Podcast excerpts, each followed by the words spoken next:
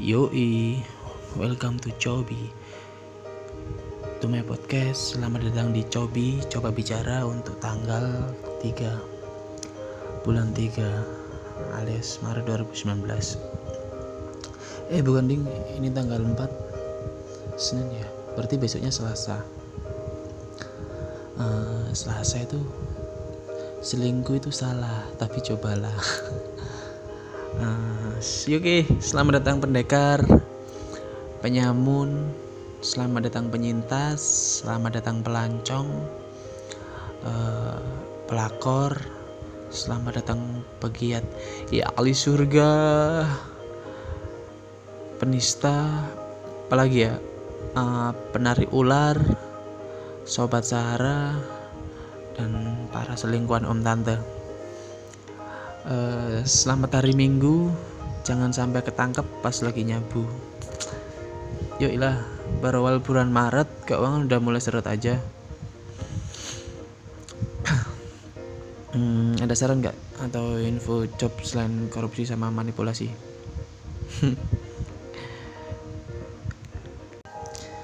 BTW, hmm, sukses di usia muda itu keren gak sih? Ya keren lah. Keren nggak? Tapi ada yang bilang nggak keren. Keren ya. Tapi ya kalau sukses di usia muda ya pantesan. Kalau karyawannya digaji di bawah UMR anjing. Kadang kita juga sering diingatkan jangan menilai seseorang dari luarnya saja. Apalagi sampai menilai kepribadian seseorang. Kecuali nih kecuali jika kerja lo bikin soal psikotes atau jadi HR di perusahaan. Ya kan lo yang bagian nilai. Kayak anda ini jangan suka menilai kepribadian seseorang. Anda ini sok menilai kepribadian saya. Ya kan pekerjaan saya ya kan pekerjaan saya bikin soal psikotes bos dan info terbaru info terbaru kemarin sore ada big match Piala Presiden Persebaya menang dramatis bos. Habis setelah tujuh hari tujuh malam itu kayak permainan mereka itu kayak Swedia uh, gelombang serangan total football. All out gitu kan nyerang. Nyerang tapi nggak nggak gol-gol kan. Ada natap mister gawang ada tiang gawang save keeper kayak digempur berkali-kali nggak masuk. Gol pun offset. Ah, akhirnya bapak kan udah bapak pertama ketinggalan sampai 2-0 itu yang taruhan udah udah udah pada mulai ketar-ketir tuh. Anjing. Hmm. akhirnya babak kedua. Babak pertama ketinggalan 2-0 akhirnya babak kedua sempat berhasil masukin gol. Tapi cuma satu dan itu kan masih kalah. Pergantian pemain malah dari pihak lawannya dari Perserui nah akhirnya dari detik akhir ya sampai 15 menit terakhir itu udah kalang kabut. Bejo udah udah panik tuh.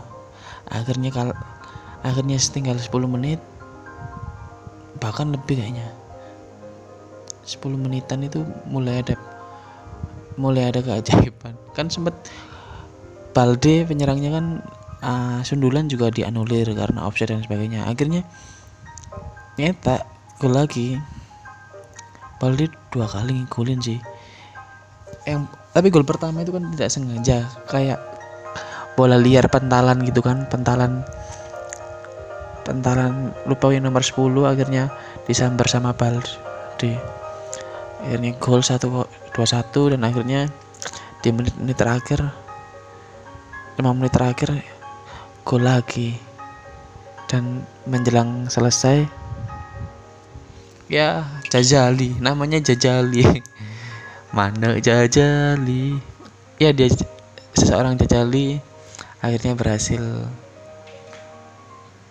menendang bola liar dan akhirnya masuk ya akhirnya kemenangan secara dramatis banget sih. Main di Bandung Bandung sendiri kalah. Kalah sama PSTNI ya sementara Persebaya ada di puncak klasmen oke ada saran selain topik politik nggak ya? Ya mau gimana lagi? Lama-lama otak kita ikutan stagnan kayak hasil survei elektabilitas si capres ini kan. Stagnan. Ya stagnan udah beberapa bulan masih di skor seperti itu aja sih. Ya buat para undecided voters yang belum nentuin pilihan gara-gara nunggu pengen lihat narasi apa yang mau dibawa atau yang mau disampaikan kedua calon masih gak nongol-nongol juga tuh. Uh, apa ya gak ada? Apa ya? Nggak ada kan? Program baru apa? Visi misi apa? Uh, malah cenderung lari dari persoalan kan? Mereka ini kampanye jawab jawab jawaban jawabannya gitu kan? Uh, ya kalau gini lama-lama para golputers patut berbangga dong. Ya kan mereka berhasil membendung partisipasi.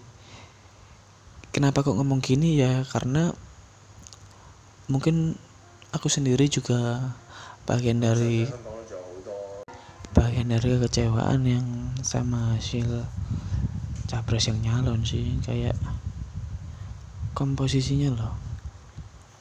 Tapi buat para golput ini bisa-bisa mereka ada peluang naik tangga deh kayaknya. Hmm, kejualan politik pragmatis makin eksotis. Politik identitas makin bikin nggak waras. Ya anti azan lah yang dilarang. Mengumandangkan azan nanti kalau terpilih bakal sulit beragama. Ya pokoknya izinkan saya berkuasa dulu lah oke oye kedua kepala pada nggak nggak percaya. Kedua kepala dari masing-masing pasangan ini pada nggak percaya sama lembaga survei mana pun. Kecuali survei internal mereka sendiri kan? Pertanyaan seperti pernyataan seperti itu sering kita dengar. Dan parahnya jika para surveyor yang beri pendapat saya rasa surveyor kita juga masih jauh dari uh, yang solid valid ya kalau ceritanya. Kebanyakan realitas di lapangan kadang survei dilakukan dengan sedikit berantakan tergesa-gesa. Beberapa malah bisa menyalahi identitas menyalahi eh bukan menyalahi identitas menyalahi metodologi. Uh, surveinya bisa pragmatis sih pragmatis praktis manis gitu. Soalnya kan nge kayak ngeburu target uh, survei borongan kejar target dan sebagainya kayak ya kan kita cari makan. Itu kalau pengalaman dari kawan surveyor sama emerator aku gitu biasanya jadi dilematis mereka persoalan survei biasanya tidak jauh dari identitas siapa yang membayar survei tersebut. Dari situ kan baru kita bisa dilanjutkan percaya atau tidak mempercayai rilisan dari sumber tersebut. Kadang survei juga bisa dimanipulasi. Jadi kayak mempercayai sebuah survei itu kayak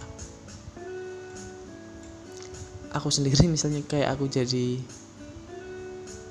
ya itu kayak ya apa ya ada sebuah kepentingan sih dalam survei juga. Lembaga survei biasanya kayak tingkat kekredibelan mereka masih dipertanyakan ketika masa-masa kayak survei politik ini sih. Lain dari survei ekonomi ya. Hmm, sebenarnya buat kalian yang nggak ikut terlibat atau bahkan yang terlibat dalam urusan politik ini, pasti ada rasa muak sih. Kayak sedikit kayak what the hell kampanye yang sangat lama, jenuh. Uh, bisa saling bertengkar mungkin nggak se ekstrim yang pilpres ke belum se ekstrim yang 2014 kemarin atau belum se ekstrim yang ada di DKI Jakarta tapi perbedaan semakin ke sini harus semakin dewasa sih beda pilihan itu kan kewajaran. Hmm. buktinya hasil survei ya suaranya nggak berubah. Kita kan kayak uh, pemilih-pemilih yang belum menentukan ini kan ya ya tetap di posisinya masing-masing. Kecuali yang emang udah fanatik atau yang masuk dari bagian tim pemenangan tim kampanye gitu kan yang satu melakukan kampanye basa-basi, yang satu kampanye jenaka konyol. Biasanya cari musuh, malah ngata-ngatain. Sekaligus uh, ngecengin yang kampanye golput gitu kan. Uh, sempat beberapa kawan termasuk aku sendiri kayak ngomong golput gitu kayak langsung disamber sih dibilang naif lah kekanak-kanakan lah kayak ya masa kalian nggak bisa menentukan pilihan sih? Kalian ki kalian ini maunya apa? Ya kalian yang maunya apa dengan nyodorin kualitas capres yang problem banget sih kalau menurutku. Kalau dari yang satu intoler dia kan tamparan buat intoleransi kita kan orang yang dulu nerbit turut andil dalam keluarnya SKP 3 Menteri yang mempermasalahkan Ahmadiyah melarang berbagai bentuk hak yang harusnya diterima oleh minoritas. Bahkan hak kemarin dia juga jadi saksi ahli. Kalau dari dua sebenarnya nggak bermasalah terlalu bermasalah sama Sandi cuma uh, dia juga punya riwayat Panama Paper tapi so far masalah sih. Prabowo bermasalah kayaknya. Cukup bermasalah tapi ya banyak lah. Mereka berdua nggak pernah ngomong masalah kamisan nggak pernah nyentuh masalah hukum yang bener-bener ada di nafas masyarakat uh, para kawan-kawan yang menarasikan atau kampanye golput ini juga dia dicacar kan? Paling kampanye ya gitu-gitu aja paling ya nggak kalau lewat status gitu-gitu kan instastory twitter nulis ngobrol tipis udah gak dibiayai apa apa gak ada modal. Dicecar moral pisan. Asyik tenan. Fuck lah capresnya gak ada yang bahas. Kamisan. Gak nyentuh penegakan hukum. Apa sih yang kalian harapkan dari prioritas yang mereka bawa? Semoga kal semoga aja kalian gak terancam dulu baru ikutan bicara. Ya kan semua diam sampai dirinya sendiri ikutan jadi korban. Baru ikut bicara baru ikut bicara. Kalau udah jadi korban dasar. Kadang udah jadi korban malah diam aja. Nggak ada kepikiran gitu sedang ditindas. Padahal ya yang jauh lebih efektif ya bikin orang golput tambah banyak. Ya kelakuan mereka sendiri sih. Acuh cuy. Ya capresnya ya ya tim sisnya. Ya mbak ya mbak bapak ya ya mbak wapresnya. Ya fanboy lah ya fuckboy lah masing-masing. Oh Fadli Ratna Rais Rano Kumbolo. Ya terus ada di situ ada Luhut Wiranto Cahyo Menteri Kominfo. Kemarin juga sempat ngawur.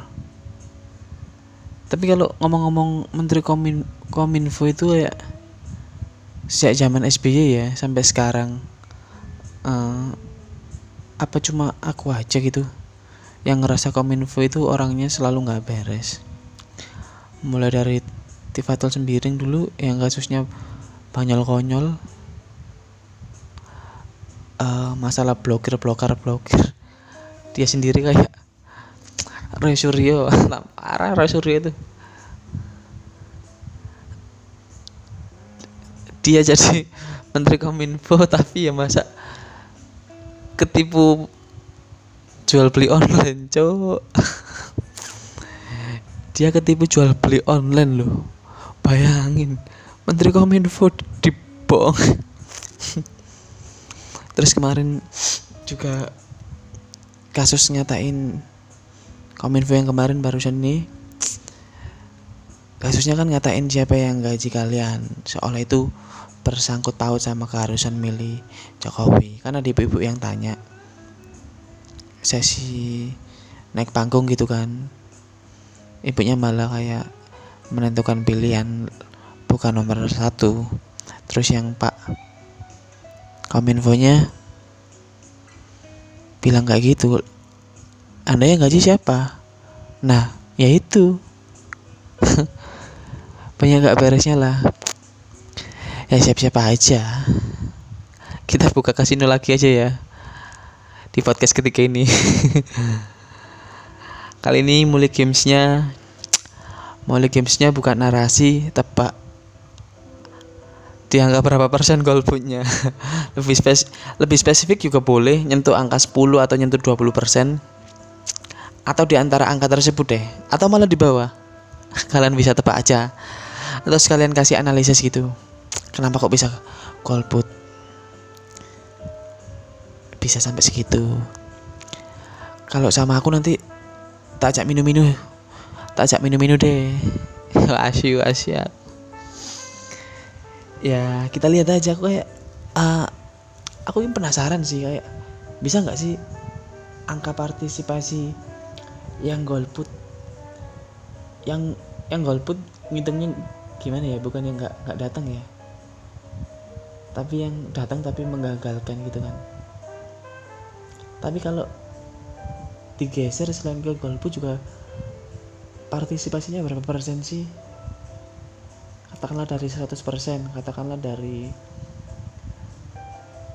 kita eksempelnya 20 juta pemilih. Emang datang semua di DPT 20 juta pemilih itu yang hadir berapa?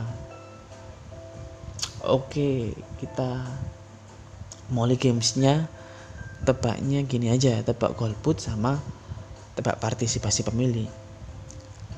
Kalau aku sih tebak partisipasi pemilih yang nggak milih atau partisipasinya hanya, hanya cuma 80% lah.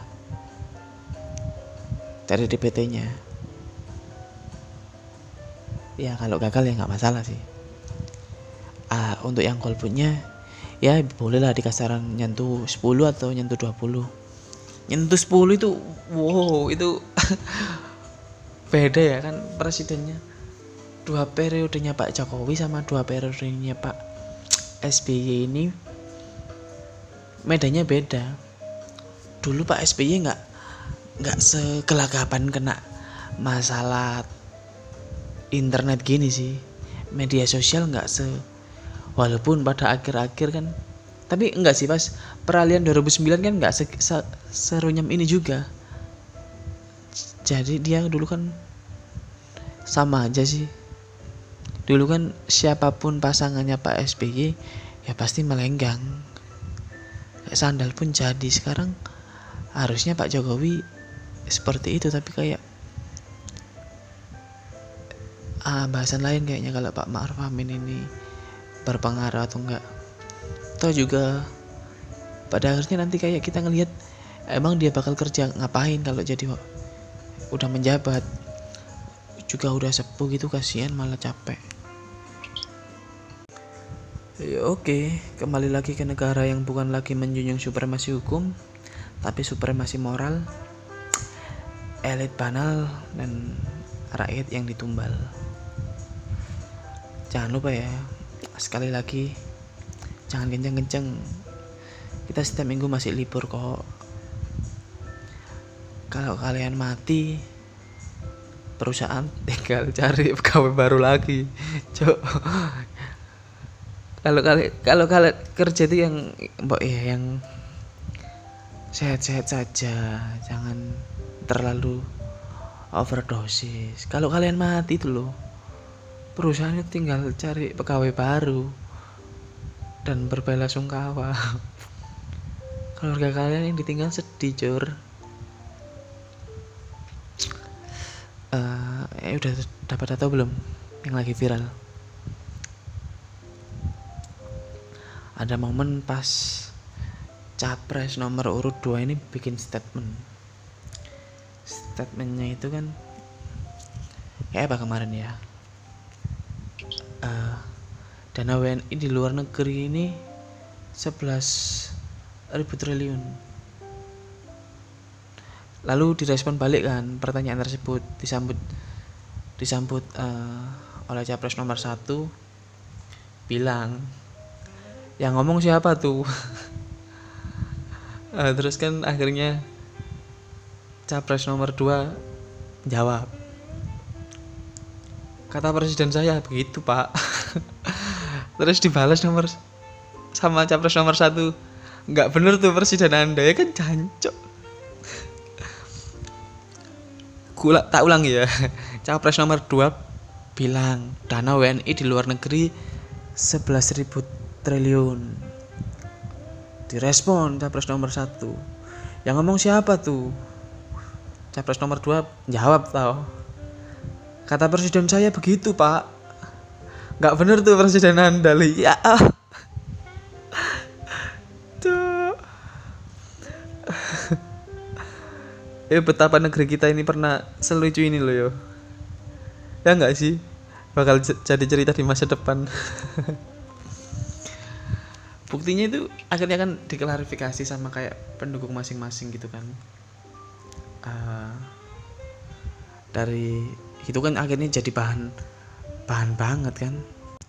Faktanya setelah di cross check ternyata pernyataan tersebut itu udah dari tahun 2016 bulan Agustus kayaknya. Iya kucek itu ada di hari Senin 1 Agustus 2016 ada pernyataan ketika kalau nggak salah itu Jokowi hadir di Arganas itu pernyataan Jokowi waktu itu ada 11.000 triliun uang kita di luar negeri. Kalian cek deh di beberapa media. Terus kemarin ah, waktu itu kan itu beritanya juga dimuat oleh humas kepresidenan kayaknya kalau dari Humas Kepresidenan ada 11.000 triliun di luar negeri. Presiden Jokowi bilang, mari declare, mari declare agar uang-uang itu bisa bermanfaat buat bangsa. Sesuai data Kementerian Keuangan gitu ada 11.000 triliun yang milik WNI disimpan di luar negeri. Sementara hmm, apa ya data yang diperoleh dirinya itu lebih banyak lagi untuk itu. Presiden mengajak para pemilik ya termasuk Sandiaga Uno itu kan pas kasus-kasus apa ya kasus-kasus money laundry kasus-kasus Panama Paper dan sebagainya itu kan duit-duit yang gak bisa dihitung itu pakai hmm, Jokowi sendiri mantan pengusaha ngakunya dirinya tahu kalau uang WNI yang ada di luar negeri itu disimpan kan ya transfer pricing pricing. Ada yang disimpan di perusahaan-perusahaan yang besar ada yang perusahaan-perusahaan yang retail-retail juga gitu. Ya presiden pengennya waktu itu bilang agar para pengusaha bisa menikir uang uang minggu bisa bermanfaat buat rakyat bagi bangsa dan bagi negara gitu sih. Karena apa ya narasinya karena kita hidup di Indonesia, kita makan di Indonesia, kita bertempat tinggal di Indonesia, kita mencari rezeki dengan kemudahan-kemudahan yang ada di Indonesia. Dibawa ke sini pun juga tidak akan berkurang serupiah pun uang-uang itu. tapi gak berkembang pak kalau dikirim di sini iklimnya iklimnya tidak sehat demo di mana-mana perampokan preman-preman pala dan sebagainya kalau aku punya duit ya gitu sih mikirnya. Anjing. Akhirnya dari berita yang terbaru ah kemarin Senin 1 Maret hmm, Jokowi bikin pernyataan kan? Kok Senin 1 Maret sih? Sorry. Jumat Jumat 1 Maret. Uh, pernyataannya Jokowi merespon soal duit WNI 11 triliun itu. Bilangnya gini kalau datanya kita kejar padahal datanya dia sendiri cok. Anjing. It's sorry gak boleh ngomong kasar ya tapi nggak masalah lah iya podcast podcastku. Aku kan nggak nggak punya fame jadi siapa yang mau nangkep aku ngacal ngomong-ngomong lo ya ngomong-ngomong bukan sekedar nggak mencapai target tapi bahkan targetnya sendiri aja lupa. Ya bukan sekedar gagal mencintai tapi bahkan yang dicintainya sendiri aja lupa.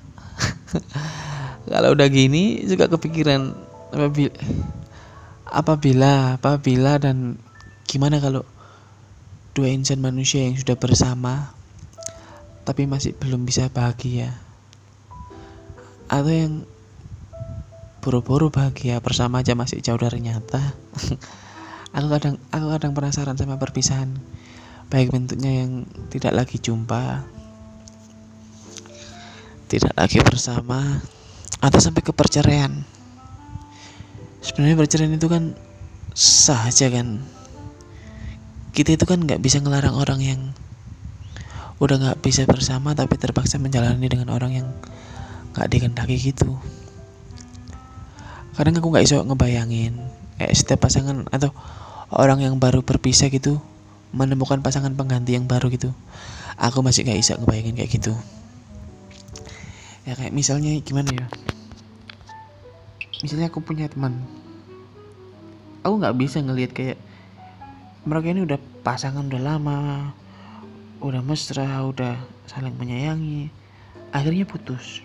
It's okay putus itu keputusan mereka yang mereka ambil. Tapi kak yang jadi masalah kalau baru putus baru putus atau baru baru berpisah hmm, mereka langsung cari pengganti. Itu pun berlaku ke pernikahan sih kayak kalian menikah dengan apalagi kalau yang punya anak punya anak kayak Gisel dan Gisel dan Gading gitu ya masa habis cerai terus mereka menghadirkan sosok orang lain baru gitu ya aku masih nggak bisa ngebayang kayak kan gimana sih perasaannya hatinya gitu apalagi lihat teman-teman yang Padahal sebenarnya dulu-dulu juga nggak masalah sih aku. Tapi kayak makin ke sini kayak cara aku melihatnya itu kayak kalian ini udah ber, berpuluh-puluh hari, beratus-ratus hari bersama. Bisa ya digantikan kayak gitu? Merpati aja nggak bisa loh hidup. ngomong-ngomong perceraian, ngomong-ngomong perpisahan, sedih sih aku walaupun punya mantan banyak tapi kayak ya elah tester doang fuck. Jadi ada ada satu kalimat yang keren menurutku. Uh, uh, pengadilan itu memisahkan hal yang telah dipersatukan oleh Tuhan. Ya kan kalian nikah atas nama Tuhan. Tuhan ini mempersatukan kalian. Tapi pengadilan memisahkan itu. Ya pengadilan lebih kejam deh kayaknya. Lebih hebat. Kalian bisa ya. Pas selesai sama pacar kalian cari pengganti baru gitu kayak. Butuh waktu cepet gitu bisa ya atau jangan-jangan kalian nggak cinta sebelumnya? Kalian bisa dengan mudah. Atau yang kalian sebenarnya kalian bisa cepat cuma belum dapat pengganti itu kayak ya itulah problem anak muda hari ini. Problemnya kadang nggak logis. Seenggak logis aturan pemerintah Jawa Barat yang ngelarang lagu-lagu luar untuk dimainkan di tempat mereka di jam-jam tertentu itu kak. Ya elah kabut bos. Ah, sebenarnya pemerintah ini cinta yang lokal-lokal aja sih cinta maksiat yang lokal. Kayak di Indonesia sendiri ada Frida Angela itu liriknya juga enjoy banget. Yang liriknya itu bejekin dong abang bejekin adik dong abang kayak gitu gak salah. Bejekin adik dong abang. Adik goyang abang pun goyang. Cowok itu videonya juga sensual muter-muter tete terus yang kedua juga ada cinta satu malam oh indahnya. Eh, Melinda itu ah, bajunya tipis-tipis video klipnya juga sens sensual gitu sih. Ngajak bercinta. Tapi itu berkesan banget loh itu. Cinta satu malam itu uh, aku suka lagunya. Indahnya walau satu malam akan selalu ku kenang. Merasa banget itu cinta satu malam itu sepanjang hidupmu. Ya Bercerita tentang seorang menjalin hubungan singkat demi memuaskan hasratnya. Terus ada lagi Kalau yang lokalan yang agak Jawaan Ono jadi kempot. Manu eh manu e cucak rawa. Cucak rawa gula yang digoyang ser ser aduh enak eh ya porno ya bos. Jadi kempot itu kalau yang ada yang ku hamil duluan sudah tiga bulan gara-gara ku. Ngentat gara-gara ku. Ngentat keenaan kecelakaan karena hamil duluan sudah tiga bulan. Enak bos. Sorry sorry sorry jangankan yang dangdut dangdut receh Dewa 19 legenda living legend kita yang yo ilah siapa sih nggak kenal Dewa? Aku sedang ingin bercinta sama kalian semua. Di setiap ada kamu. Itu porno itu bos. Atau yang almarhum Jupe dibelah bang dibelah. Enak bang dibelah. Itu kayak enakan dibelah itu. Sampai netes. Ya ada lagi terakhir ya. Apa ya? Lai lai lai lai lai lai. Panggil Titi Kamal si Jablay. Titi Kamal tuh jarang di play banget Ya gak usah jauh-jauh di Indonesia loh. Cu dangdut is the music my country. Ya kita digegerkan kan dengan list lagu berbahasa Inggris yang dibatasi oleh KPI Jawa Barat. 17 lagu diberi klarifikasi klasifikasi dewasa oleh KPU KPI deh KPI Jabar tepatnya. Ya pak TV boleh menyiarkan cuma jam 10 sampai jam 3 uh, eh, di, situ surat edarannya terlampir. Ya kayak anak muda sekarang loh cowok milenial cowok youtuber cowok. Kayak nggak relevan bos. Ini kan menunjukkan bahwa ya negara kita supremasi moral masih masih mengacung bung. Sebenarnya filter moral itu hmm, harusnya bukan negara tapi kayak individu-individu diri kita sendiri itulah yang harus bisa sih ngefilter moral. Kalau alasannya kan lagunya gak bermoral. Kalau negara sampai ngurusin moral warganya lah terus? Terus warganya ngurusin apa? Ya warganya kan akhirnya alimnya kan alim palsu.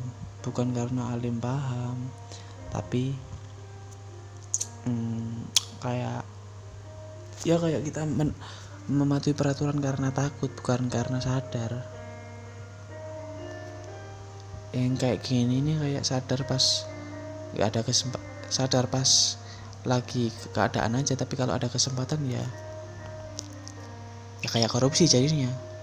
Kalau integ dibiasakan integritasnya kayak gitu kalau nggak ada yang lihat ya ngewi bos. Ya nyolong ya nyuri lah.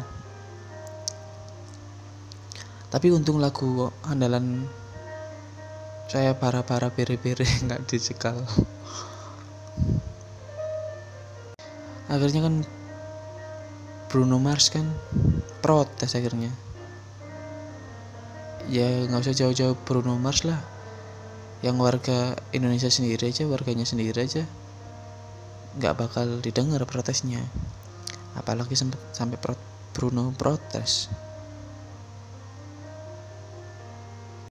Aku kan nggak paham bahasa Inggris tapi yang paham bahasa Inggris pasti kan memandang kebijakan ini konyol dan nggak nggak berfaedah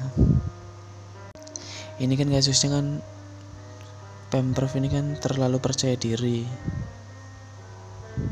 Membatasi lagu barat yang vulgar di Jawa Barat.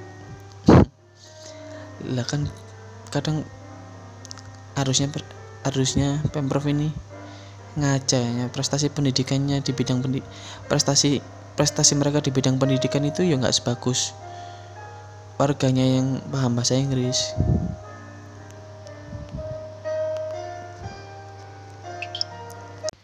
Negara kita ini udah harus direferendum bung. Kemarin kalau nggak salah beberapa hari tiga dua hari atau tiga hari lalu ya kayak sempat di timeline juga lihat Pak Maruf ya bukan bukan, bukan sebut nama melihat seseorang yang kayaknya bangsa kita ini udah ke, kehilangan keteladanan gitu sih. Keteladanan sama pemerintah dari pemerintahnya. Uh, kehilangan semua hal tentang kebenaran. Ya coba ref, kita refleksi sendiri saudara-saudara. Kayak banyak orang yang buang akal sehat. Uh, pagi kemarin saya membaca tweet ada yang tulisan yang bunyinya bertanya seperti ini. Ada yang bertanya tentang asal usul sebuah mobil yang dimiliki oleh bekas seseorang pejabat tinggi negeri. Pertanyaan itu tidak dijawabnya. Justru sang penanya dilaporkan ke polisi dengan alasan pencemaran nama baik. Wih hening bos. Kita diem diem baik ngeri nggak sih? Uh, ini kan ceritanya misal aku nanya nanya baik-baik ini nggak dijawab tapi aku langsung dilaporin polisi. Uh, yang jadi masalah kan yang diceritanya tadi kan ini yang diceritanya tadi kan pejab, bekas pejabat itu kan melanggar norma keteladanan. Karena apa? Yang dilakukan itu sebagai seorang mantan pejabat langkah bijaksana ya harusnya diambil ya, ya jujur. Misalnya kayak ditanya, ditanyai ya dijawab jujur dengan bukti. Tadi kan kasusnya kan pertanyaan asal usul sebuah mobil yang dimiliki oleh bekas pejabat bekas seorang pejabat tinggi negeri. Ya dijawablah dengan bukti. Mobil itu kan cuma dipertanyakan dengan ya biasa nanya ini asal usulnya gimana mobilnya ini?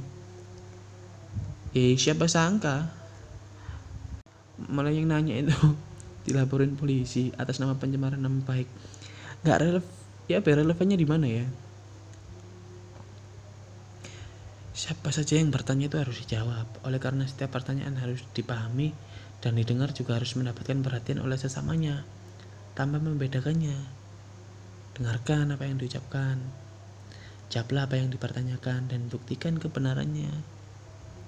Sebenarnya nggak sulit kan jujur kayak namun kayak namun kalau jujur sulit berkata jujur ya dapatlah dilakukan dengan cara tambah banyak kata ngobrol berdialog selesaikan dengan masalah selesaikan masalah dengan dingin.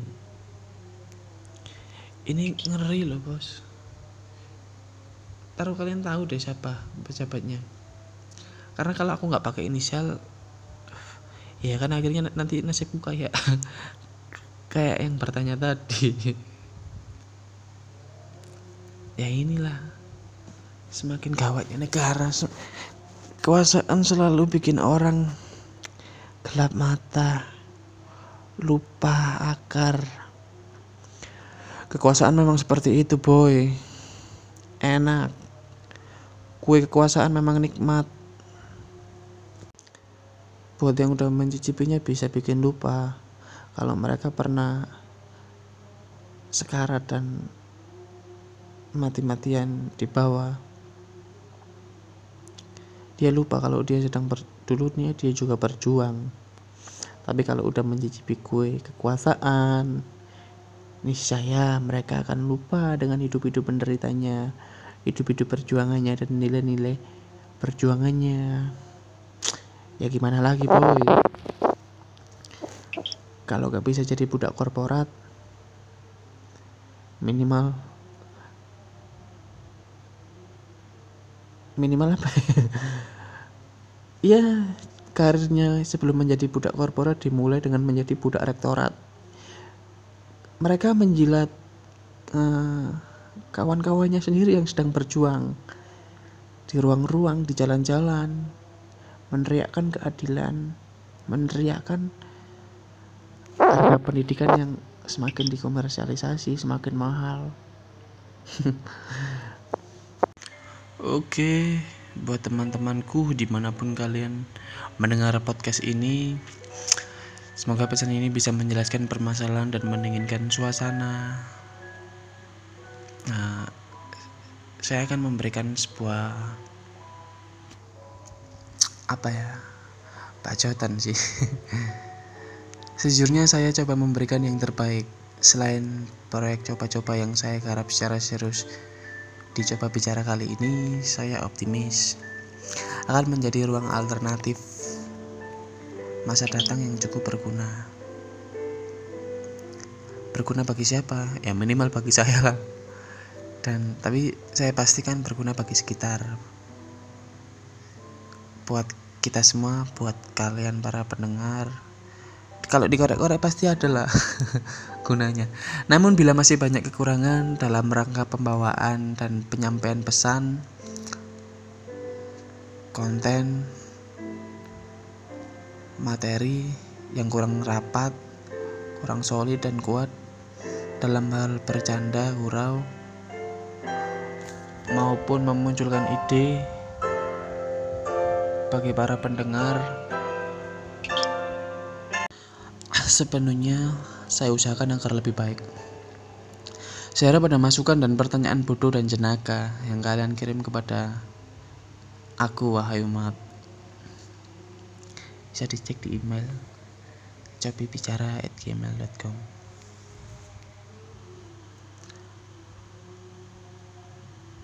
Bila ada pengucapan yang masih medok dan jauh dari katarannya, maupun enak di telinga, saya mohon maaf. Uh, kemudian bila bila bahasa saya masih acak adut seperti pengucapan atau pelafalan yang kemarin di podcast kemarin antologi jadi ontologi yang ya seperti itulah sesekali sempat kayak salah sebut maupun hoax jadi hoax itu murni karena kebodohan saya.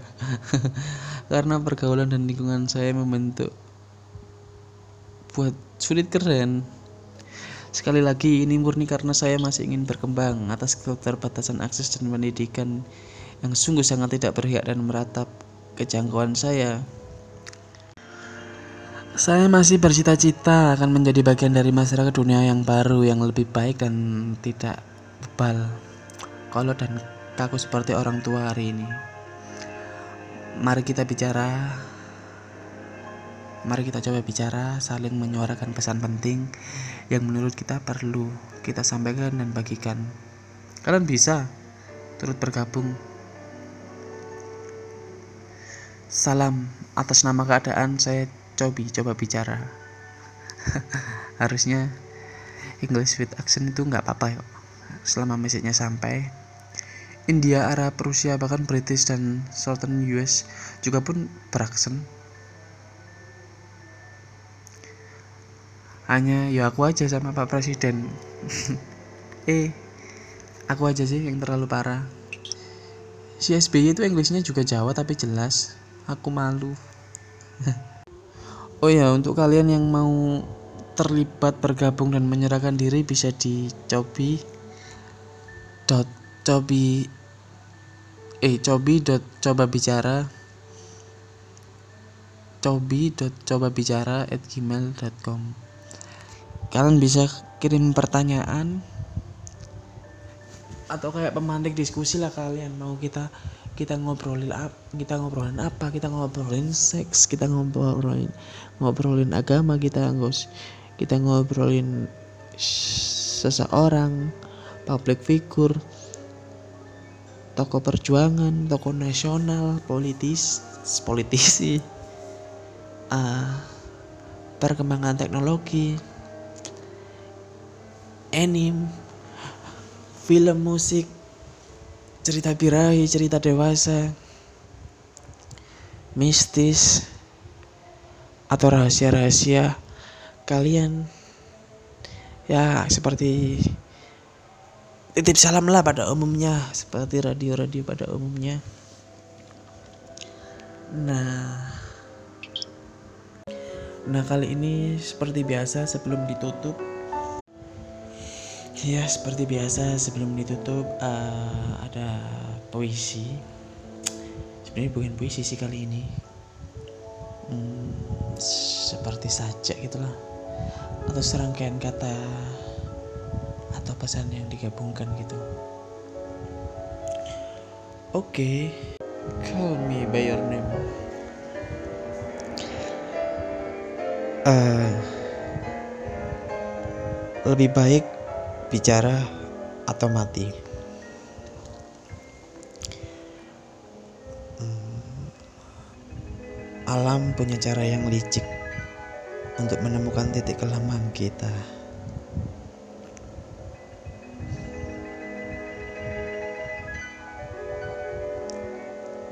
caramu menjalani hidup itu urusanmu sendiri. Hati dan tubuh kita hanya diberikan kepada kita sekali. Dan tanpa sadar hatimu telah usang. dan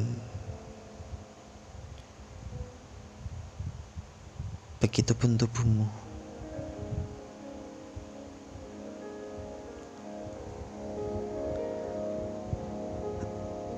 Ada titik di mana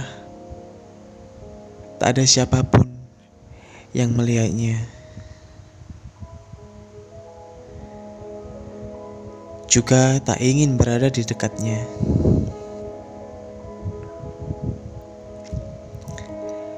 Saat ini mungkin ada kesedihan, sakit. No, no, no, jangan membunuhnya. Dan dengan rasa itu,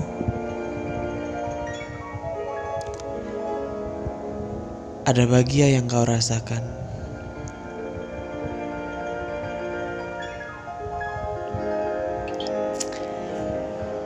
Oke, okay.